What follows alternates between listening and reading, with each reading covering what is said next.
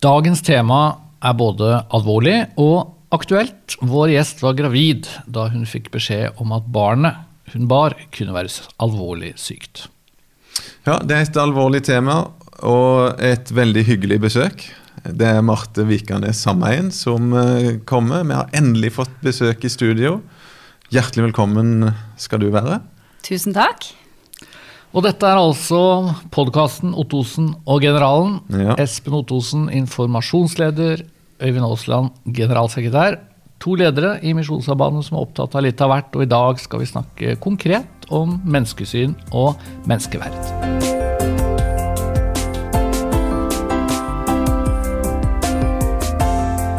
Det er en stund siden vi har hatt gjester i studio, Øyvind. Uff, ja, det er det.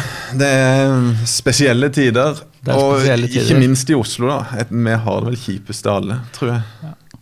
Du kom fra Hamar, eh, Marte. Er det bedre der? Ja, det er bedre der. Ja. Det går rykter om at det er en del Oslo-folk på eh, helgetur til Hamar faktisk for å få lov å gå på kjøpesenter og sånt. Ja. Eller trampolinepark.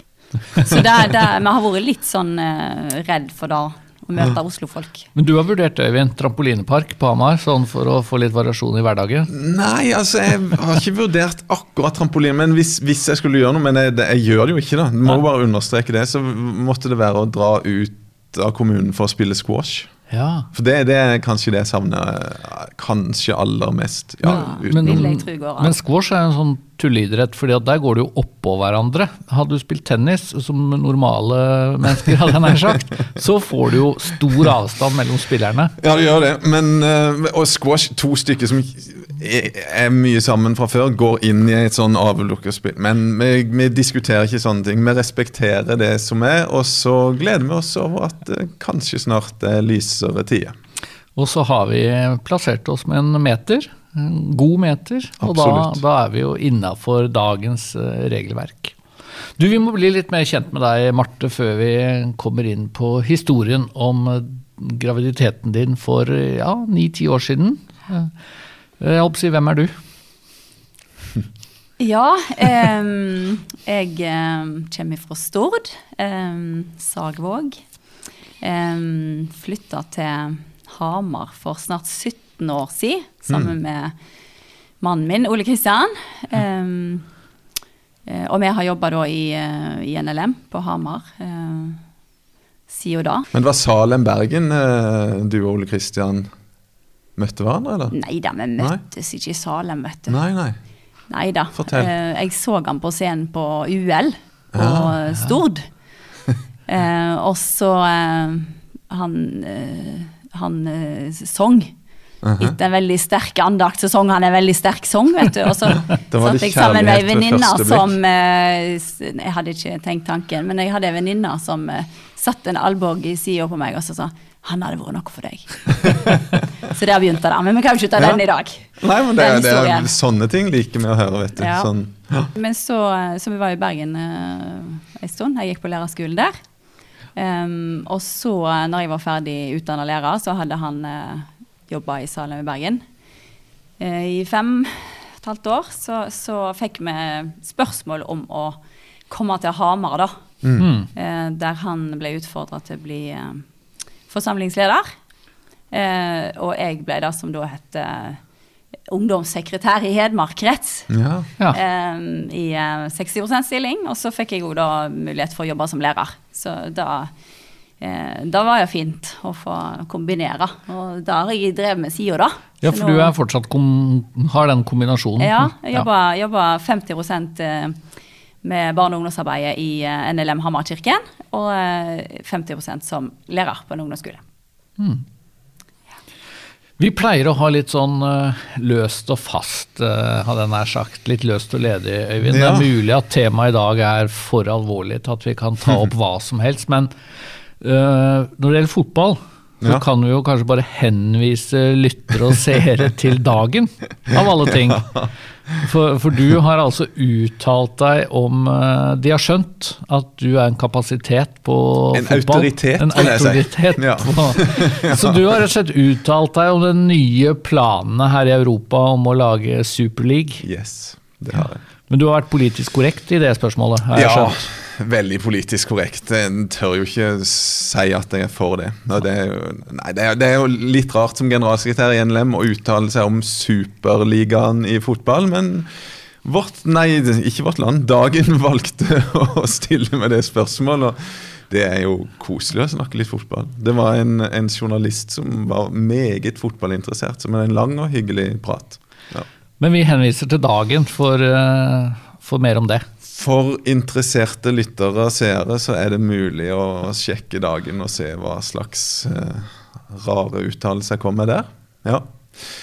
Men løst og fast, det er jo så mangt, det, Espen. Og det er mange som har lagt merke til en sånn liten Facebook Nå er jeg jo ikke jeg på Facebook, men eh, kona mi gjorde meg oppmerksom på at nå har Espen lagt ut en ganske sterk og fin sak her. Og det handla om at du var 50 år og 6 dager. Stemmer ikke det? Jo, jeg har tenkt på det faktisk i veldig mange år, at den dagen blir rar. Mm. Altså den dagen jeg blir 50 år og 6 dager. Fordi jeg, at min far uh, døde mm. når han var 50 år og 6 dager.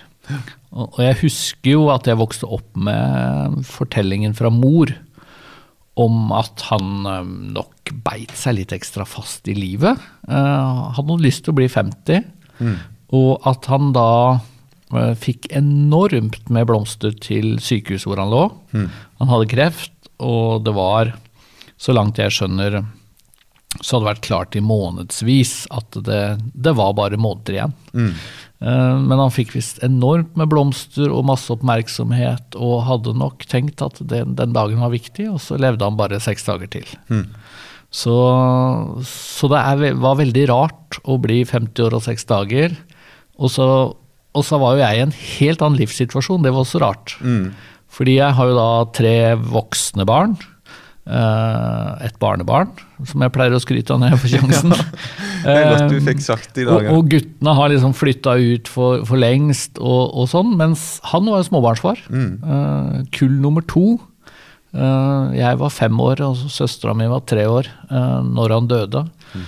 Eh, så, så det, det, Ja, jeg har brukt noen dager til å liksom fundere litt over, over, det. Og så har jeg lurt litt på hvor gammel jeg skal føle meg, da.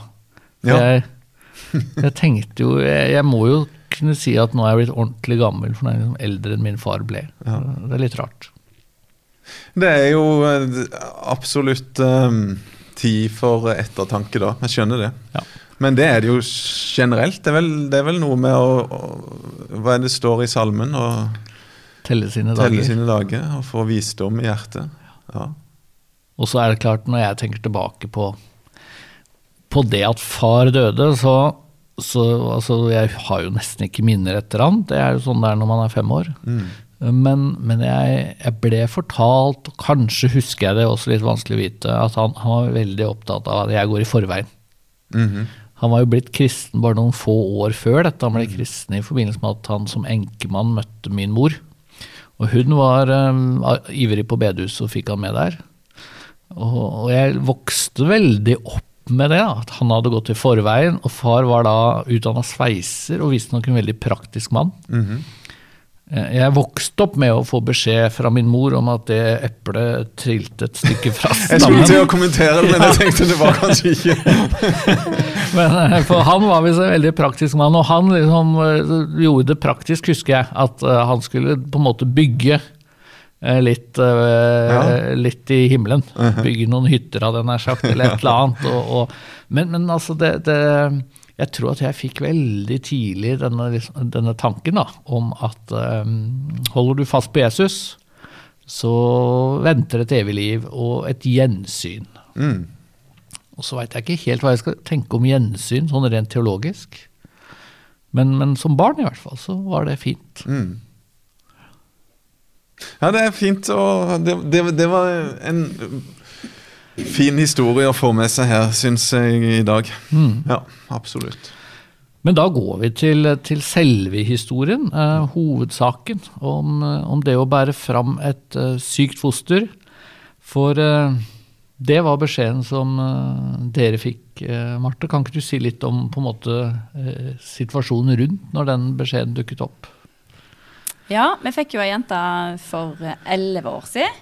Um, og, og så eh, eh, hun var en veldig, veldig enkel baby. Hun var en veldig enkel baby. Ja. Eh, og så ble jeg gravid, ja. Og termin lå an til å være sånn akkurat to år etterpå. Ja. Tenkte det var jo helt perfekt. Eh, avstand i alder. Ja. Ja. Eh, og så var vi faktisk på en ultralyd omtrent uke 16, og alt så fint ut. Og så fikk vi beskjed om at eh, dette var egentlig litt for tidlig, ja. eh, så det må komme gjennom noen uker. Ja. Dette var jo på Hamar sykehus. Tror du de hadde en mistanke om at her trengte man en ekstra titt? Nei, det tror jeg ikke. Det var nok bare for at det var egentlig litt for tidlig for å se alt det de skulle se. Ja. Um, og så kom vi inn eh, igjen omtrent uke 20. eh, og tenkte dette blir jo Altså, vi trenger jo ikke være spente engang, for alt var jo fint. eh, sant? Em, men da, da studerer de jo hjertet veldig nøye eh, på den ultralyden. Og, eh, og hun som tok ultralyden, hun eh, ble ikke helt klok, altså, for, for hjertet var rotert. Det lå på en måte ikke helt sånn som det pleier. Um, og hun eh, kunne jo ikke forklare noe om hvorfor eller hva det betydde, eller noen ting, men, men hun eh, bestilte eh, altså direkte time på Rikshospitalet. Hun ringte, og, Ja. og uh, vi fikk time senere samme dag. Um, så vi kastet oss i bilen og uh, kjørte til Oslo. Um, Hvordan var den kjøreturen, hadde jeg nær sagt? Kjente dere veldig sånn engstelse da? Vet du hva, Jeg husker ikke så mye. Jeg tror ikke jeg var veldig engstelig. Eh, var nok spent. Eh, vi hadde jo sett det var mye liv, og det så jo eh, sprekt ut inni der. Eh, men, eh, men klart hva dette betydde, da, da ante vi jo ikke liksom, rekkevidden av. Um, men da, da ble det jo en lang, lang ultralydundersøkelse der.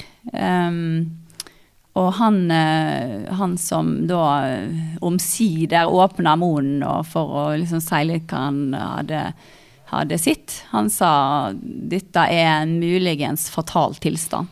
Mm. Muligens fatal still- tilstand. For da at de så veldig lite lungevev. Um, Ei halv lunge trodde de de så, var første beskjed vi så. Um, og da kunne jo forklare da, sånn at hjertet hadde mye mer plass enn Ja. enn vanligvis. Så da hadde jo snudd litt på seg. Uh, uh, da mangla ei lunge der, iallfall ei. Uh, uh, og så så de òg leppekjevespalte. Og, og klart, når de ser flere ting, så er de jo veldig obs, for da er det ofte enda mer. Ja, det, det er ja. veldig ofte at misdannelser kommer sammen med flere, da. Mm. Um, ja, så, det- så det var jo en veldig sånn tøff um, Tøff beskjed å få. Uh, men da jeg lå der, lå der så, så følte jeg jo samtidig en veldig sånn fred. Uh, at vi var i Guds hender uh, uansett, da. Mm. Um, og så så de litt mer med et annet uh, ultralydapparat, og så, og så sa de at det er mulig høyre lunge er normal.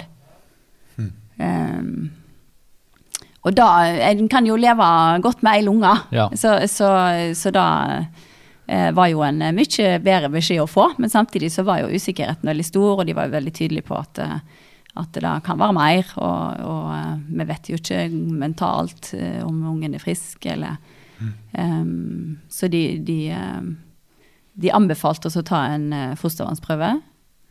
Um, så da skulle vi komme igjen Dette var en torsdag. Vi skulle komme igjen på mandag og ta den. Um, og så spurte de jo da eh, altså hva vi, hva vi ville gjøre, da. Vi fikk jo på en måte tilbud om abort der og da. Ja, for eh, selv om man selvfølgelig da var etter uke tolv, og nå er det jo en politisk diskusjon for tiden om nemndsystemet skal bort, og om abortgrensen skal utvides, men det, det ville ikke vært noe problem, slik situasjonen var antagelig da. Nei, det ville jo eh, være mange gode grunner for Mm. abort, Mm. sånn som de så det der. Mm. Ja. Og da Fø- var jeg Følte du noe press? Nei, vi følte ikke noe press. Vi var jo på en måte veldig eh, skulle si, Det var jo ikke noe tema for oss, egentlig. Vi, vi visste jo at det ikke var aktuelt for oss. Eh, så vi sa jo bare at det, det er ikke aktuelt. Nei, da gjør vi hva vi kan, sier de. Mm. Eh, og siden så fikk vi ikke det spørsmålet igjen, altså. Og det er jeg jo veldig glad for. Ja. Eh, men, eh, men jeg tror veldig mange hadde fått eh, et kjempevanskelig valg i den situasjonen der. Mm. Jeg eh, husker jo at med vår eldstemann så var vi også til en ekstra ultralyd fordi de fant et eller annet. Og det var, eh, det var nok en I dag vil jeg jo si det var en bagatell, men den gangen visste vi jo ikke det. Det var en sånn krøll på en urinleder. Og, og jeg glemmer aldri at uh, legen som var der, uh, ga beskjed om at det, det, det, er, det er ikke så veldig alvorlig, men det kan være tegn på at det er noe annet. Som du er inne på, at det kan være noen andre misdannelser, som muligheten for at han hadde Downs syndrom, den var femdoblet. Jeg husker vi fikk beskjed om dette dagen før jeg skulle til Nordfjord på praksis. Jeg gikk på Fjellhaug og jeg skulle ut og tale. Eh, og det var før mobiltelefonenes tid, så det var litt sånn krevende å bare dra fra Trine dagen etter. Og så fant vi ut en god stund etterpå at femdobling av sjansen betydde at det gikk fra 0,2 promille, nei 0,2 prosent, tror jeg, til 1 prosents mulighet. Så. Og han det gjelder kom jo rimelig frisk ut, men, eh, men vi fikk liksom beskjed om sjekk om det kommer tiss i bleia. For det kunne liksom ikke garantere da, pga. denne feilen. Så, men jeg har tenkt på det så mange ganger etterpå at ultralyd, det, det er en litt sånn um, tveegget sverd. Fordi at man får jo informasjon Eller av og til får man informasjon som egentlig bare skaper usikkerhet. Og det kjente kanskje dere litt på.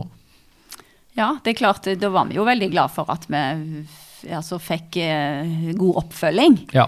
Eh, I den eh, situasjonen så, så, eh, så var det jo en trygghet å vite at helsevesenet sto eh, på rundt oss òg. Mm.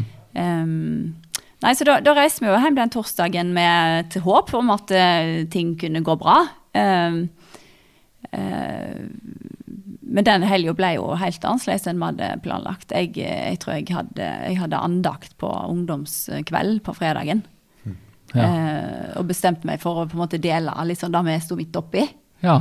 Um, eh, og, og vi fikk jo veldig masse backing og, og eh, ja, søndag formiddag òg. da var vi jo åpne med det, og mange ba for oss. Og så fikk vi, og så fikk vi det bibelverset 'Ingenting er umulig for Gud'. Da var det eh, noen som minte oss på.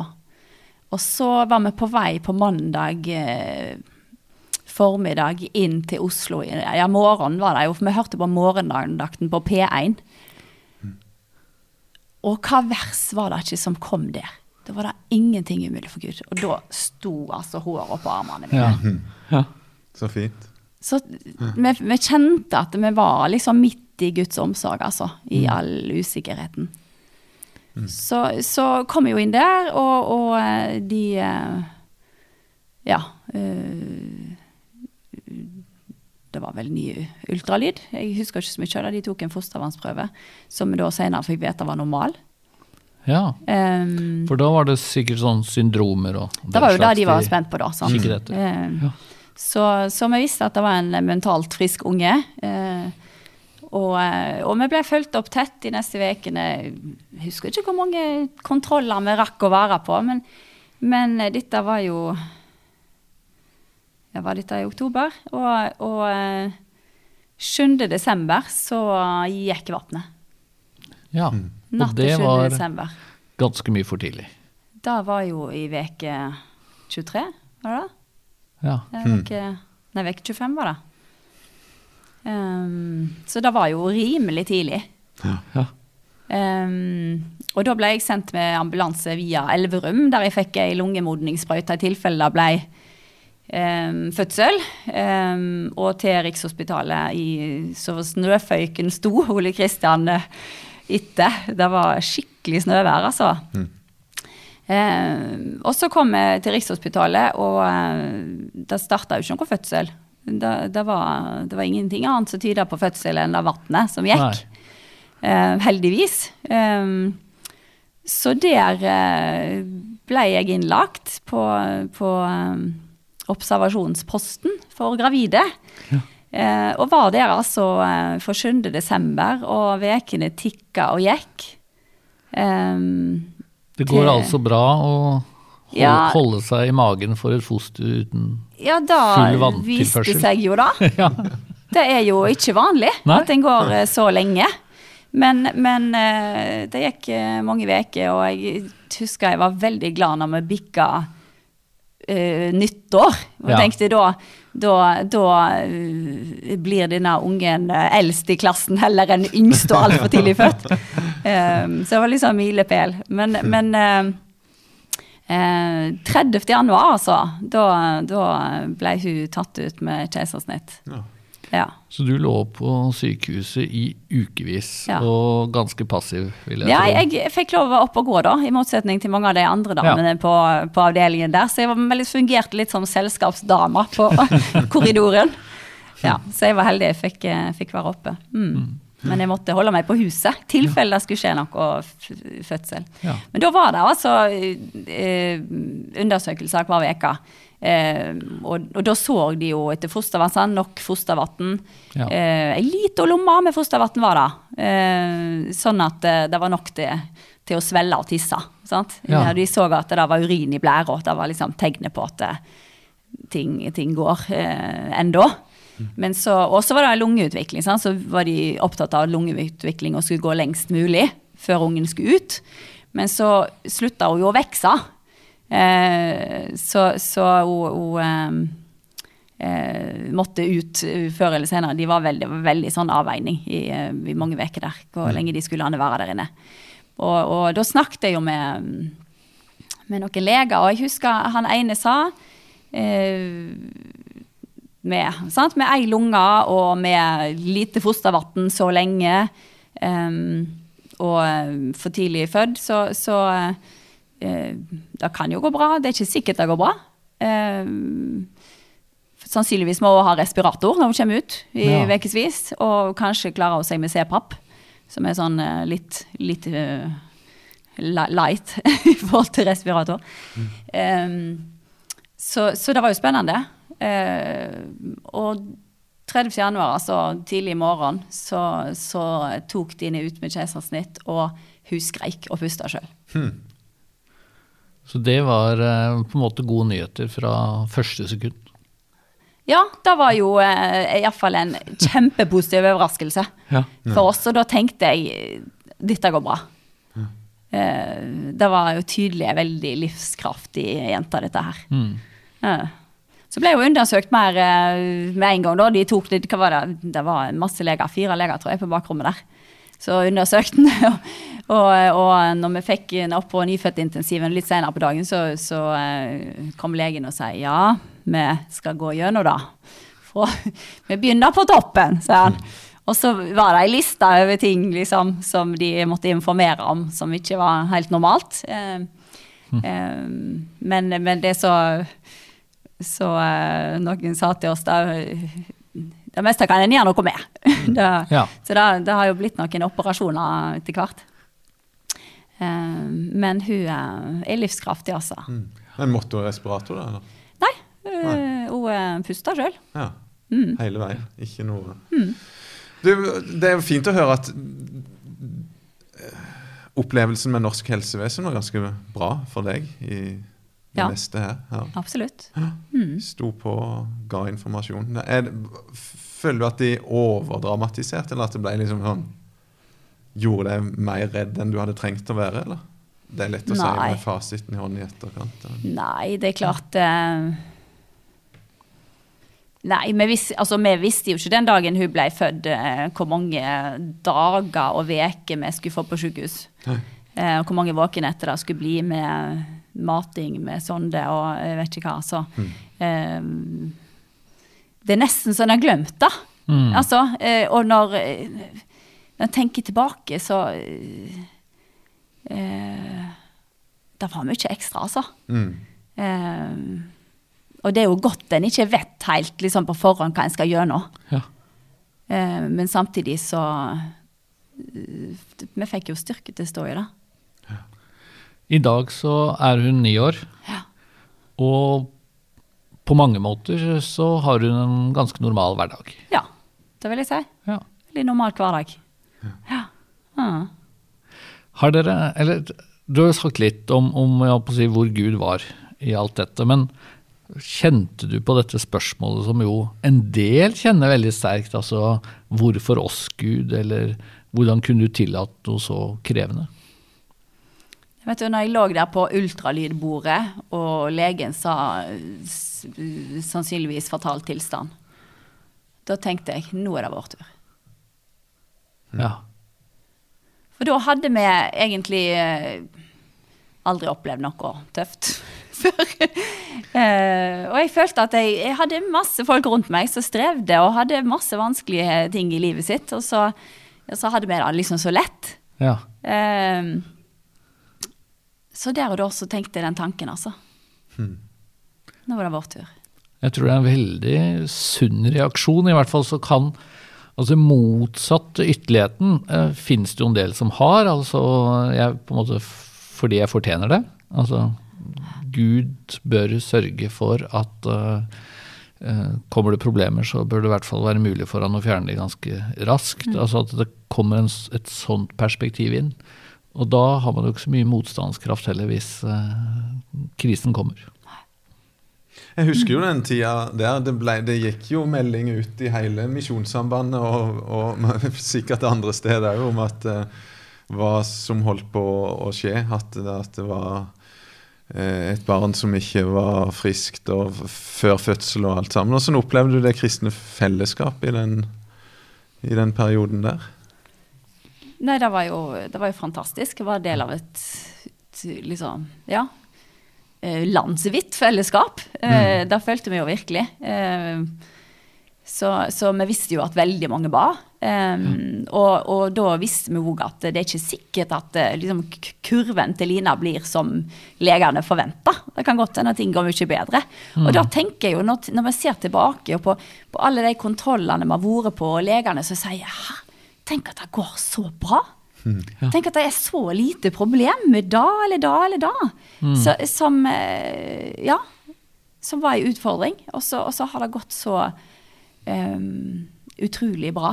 Uh, og hun har et så veldig normalt liv. Uh, så tror jeg jo at bønn er en, en del av det. Ja. Det er jo en del som, som spør seg hvordan skal jeg møte mennesker i krise, og som kanskje også er redd for å si noe galt. Hvordan opplevde dere på en måte ja, møte med familie, venner i en sånn situasjon? Gikk det greit å, å fortelle hvordan dere hadde det, og hvordan situasjonen var? Vi var jo veldig åpne, og, så da tror jeg på en måte folk slapp den der å, Skal vi si noe, eller skal vi ikke våge å spørre, eller si, eller ja. Em, og det er klart det er jo ikke sikkert det er naturlig for alle å være like åpne som jeg var. Men jeg tror det er veldig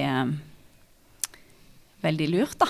Mm. Å være, være åpen med hva en står i. Folk vil jo vårt beste, sant? Og, og um, ja. Så, så vi opplevde det iallfall at det var, det var veldig fint. Og så prøvde dere midt oppi dette å leve et ganske vanlig liv. Altså, du gikk på jobb, også etter at dere hadde fått beskjed om at her kunne det vært veldig alvorlig sykt foster i magen. Ja. Jeg gikk på jobb, og det var ja, godt å gjøre de vanlige tinga. Eh, kollegaene mine visste om på en måte hva som Iallfall en del av hva som foregikk. Og, og eh, ja, eh, møtte veldig sånn Ja, de syntes det var flott at vi på en måte var åpne med det, og at vi eh, ja, gikk på jobb og var, var der som vi pleide. Og um, at vi var åpne med trua. At vi, vi følte vi var i Guds hender, da. Mm. Ja, da, da har jeg fått eh, tilbakemelding på også, at det da folk syns vi takler det på en god måte. På mange måter så er jo det, det vi snakker om nå blitt uh, noe av det mest aktuelle som fins sånn politisk. Ja.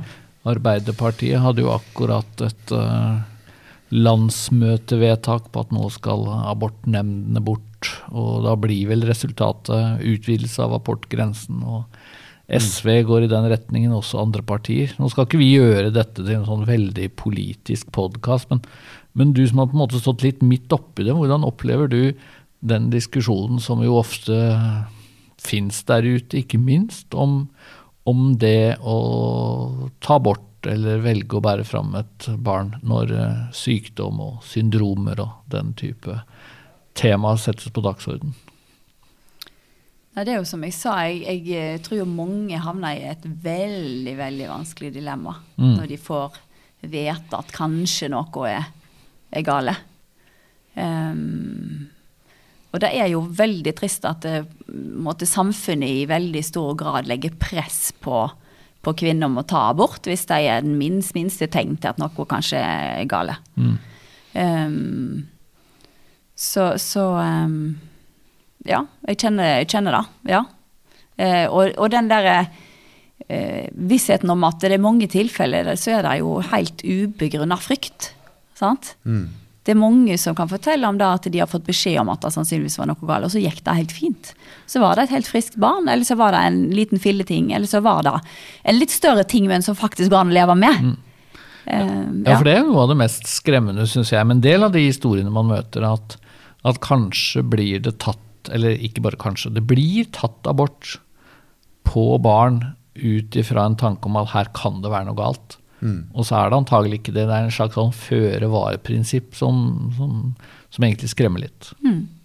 Og om det skulle være Downs syndrom eller sant, uh, andre ting som er, er utfordrende, ja. om det er ei lunge eller om det er Eh, altså Leppekjeve ganespalte er jo en, en liten filleting, sånn som jeg tenker. Ja. Når, når, vi har vært liksom, innom en god del andre ting mm. som er mer alvorlig. Men, men da er jo altså, mange som tar abort på grunnlag av det. Mm. Eh, det. det. er ganske sånn uforståelig, altså. Det er jo eh, interessant, sterkt å høre når du forteller historien. Jeg regner med at eh, det er jo mange unge mennesker og unge kvinner, unge ektepar, som opplever mye av det samme. Hva, har du noe sånn råd til folk som opplever sånne ting, og sitter med vanskelige dilemmaer og har det tøft i sånne situasjoner? Hva bør de gjøre, tenke, søke hjelp? Ja, en må jo snakke, snakke om det. Ja. Um, ja, søke hjelp og høre hva, hva muligheter finnes. Så jeg føler vi fikk, vi fikk eh, god informasjon om um, altså hva en diagnose vil innebære, f.eks. Altså hvordan kan en leve med den diagnosen hvis det skulle være det da, som mm. feiler ungen, eller da eller mm. da.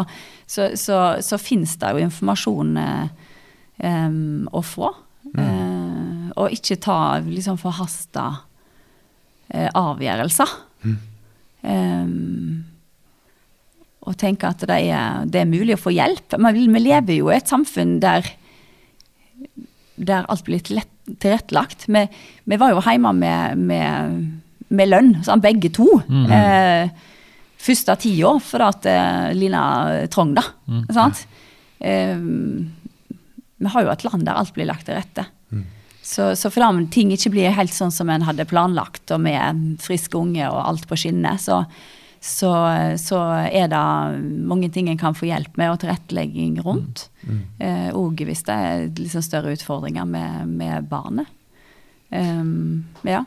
Jeg, jeg, tenker, sånne, ja. jeg, tenker, at sånne ting er veldig viktig å få fram. Da, for det, det, er klart sånne som oss, som er mot abort, og som mener at det, at det er mot Guds bud. å ta livet av barn i mors liv. Så, så det, det, er jo et stort ansvar det òg, å si det. da, At vi kan få ut mest mulig informasjon og omsorg og vise at det er mulig. å få fram gode historier, sånn som her i dag. Da. Det tenker jeg jo er mm. veldig viktig for oss. Å ikke bare ha et steilt uh, prinsipielt standpunkt, uh, men uh, å kunne følge det opp med med praktisk omsorg og, og, hjelp til mennesker som står i vanskelige valgsituasjoner. Mm. Ja, og For all del så er det jo helt sikkert mange som opplever at de ikke får nok hjelp. Mm. Uh, og, og der må jo vi, tenker jeg, stå på barrikadene og si hei. Det er jo, det er jo ingen som uh, uh, Vi må ikke godta at folk ikke, ikke får nok hjelp til unger som trenger tilrettelegging. Eh, og det er klart, det er jo det som er faren hvis, hvis eh, normalen blir at en, en tar abort hver gang det er noe Ja. utenom normalen. Så, så, så, eh, så er du jo på en måte dum hvis du velger å, å legge den byrden på samfunnet, da, og ta vare på den ungen. Eh, Da, da er en farlig vei, tenker jeg.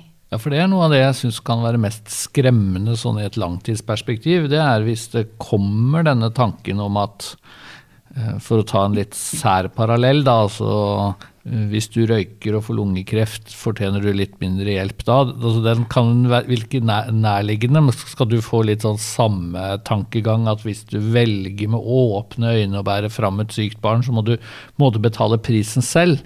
Vi lever jo i et samfunn hvor samfunnet stiller opp i stor grad. Men, men jeg er litt redd for at uh, hvis det setter seg veldig i hva skal vi si, opinionen og folkesjela at eh, den beste løsningen er abort, så kan det få betydning eller få ringvirkninger da, som skremmer.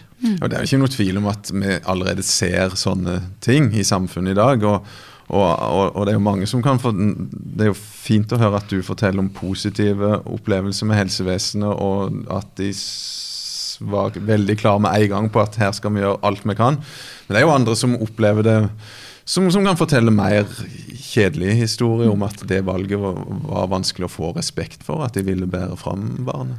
Ja, og det å slåss, slåss med kommunen tror jeg det er veldig mange historier om. Altså de som trenger på en måte spesiell tilrettelegging eller hjelp eller et eller annet uh, i den retning. Og så, og så er det på en måte viktig tenker jeg, å, å, å forstå òg at eh, det er ikke et lett valg. Altså, hvis jeg ikke hadde vært kristen og tenkt at jeg står ansvarlig overfor en gud med det valget jeg tar, sant? Og, og at eh, det er ikke opp til meg å bestemme over liv og død, eh, så er det jo ikke et innlysende valg. Så for, for nordmenn flest så, så, så eh, er det jo ikke sånn at en bare tenker ja, ja, men jeg, jeg tar jo de ekstra utfordringene. Det er ikke så innlysende. Men dere tok jo et veldig sånn raskt valg på sykehuset. Du sa at det er viktig å ikke forhaste seg med noen onde tunger. Kunne jo kanskje sagt ja, men det gjorde jo dere. Dere bare sa abort er ikke aktuelt. Men tenker du at det øh, tross alt var bedre? For det, jeg, jeg i hvert fall aner meg at det å gå veie for og imot da, i ukevis, skal vi avslutte dette livet, skal vi ta abort eller skal vi ikke, skaper også veldig dårlige dager, da, hvis man kan si det på den måten. Ja, men det er jo, det er jo ikke lett for noen. Nei. Og det er jo eh, Ja. Kjempeviktig å være klar over. Det, det, det er jo ikke Altså, at vi tok et liksom raskt valg, det var jo ikke et raskt valg, det var jo et valg basert på på eh, skulle si, eh, refleksjoner vi hadde gjort gjennom mange år. Ja. Mm. sant? Så, så da at vi hadde den ballasten og egentlig den beslutningen i bånn, gjorde at det ble lett for oss der og da. Eh, Så, så klart eh, Det er viktig å tenke gjennom, kanskje. Altså, Hvis jeg kommer i en sånn situasjon, hva, hva ville jeg da valgt? Og hva, hva bygger jeg valgene på? Eh, Ja, for det tror jeg er, er så viktig sånn generelt, at man eh, på en måte ha en integrert kristentro som gjør at når det kommer en utfordring som kan vippe deg litt av pinnen, så, så er du såpass forberedt at du da ikke kaster vrak på det som kanskje bare har vært en slags sånn teori. Og det er noe av det flotte du legger vekt på, syns jeg, i deres fortelling. Da, at, at det satt veldig sterkt i ryggmargen at uh, selvsagt så er dette barn som er skapt av Gud. Og det gir oss en forpliktelse. Og så vil jeg jo si at det, en kan godt se på liksom helsemessige utfordringer på unger som noe stort som en på en måte kan unngå. Eh, men det er gjerne ikke det som de største utfordringene med å oppdra unger, altså. Eh, altså, en unge kan, kan være så frisk som bare det, men en kan møte andre utfordringer som er like tøffe. Så, så eh, en kan ikke garantere seg mot det ene eller det andre. Eh, vi må, vi må ta, ta det med for Ungene våre er ungene våre. Vi må gjøre det beste ut av det. Ja, men Det tror jeg er et veldig riktig perspektiv. Fordi, og Kanskje er det litt typisk for samfunnsutviklingen òg, at man blir veldig opptatt av hva skal vi si, at, at vi er produktive da, og vellykka eller et eller annet slikt. Men altså, det, det handler jo om så mye mer enn en bare helsesituasjonen, da, hvis man tar det snevre perspektivet. Da har vi hatt en eh, litt annerledes eh, episode. Snakket om uh, alvorlige mm. og veldig aktuelle spørsmål. Jeg syns det var fint, det. Jeg synes det, det, det, Vi må nok gjøre det litt oftere og få noen gjester som kan fortelle litt eh, om personlige erfaringer og det de har erfart i livet sitt. Så takk skal du ha, Marte, som var med og delte din historie, deres historie. Takk for at jeg fikk komme. Veldig fint. Det gjenstår bare å takke de som har lyttet, de som har sett på. Vi er tilbake med en episode om ikke så lenge, og du kan følge oss på Facebook. Vi har side der. Kom gjerne med forslag til temaer, eller spill inn et eller annet du mener vi bør eh, snakke om. Og du kan besøke nlm.no podkast hvis du f.eks. vil se videopodden og få noe mer enn bare lyd. Så det er så mange muligheter. Også by på det. Ja. ja. Takk for i dag. Ha en fin dag. Ha det godt.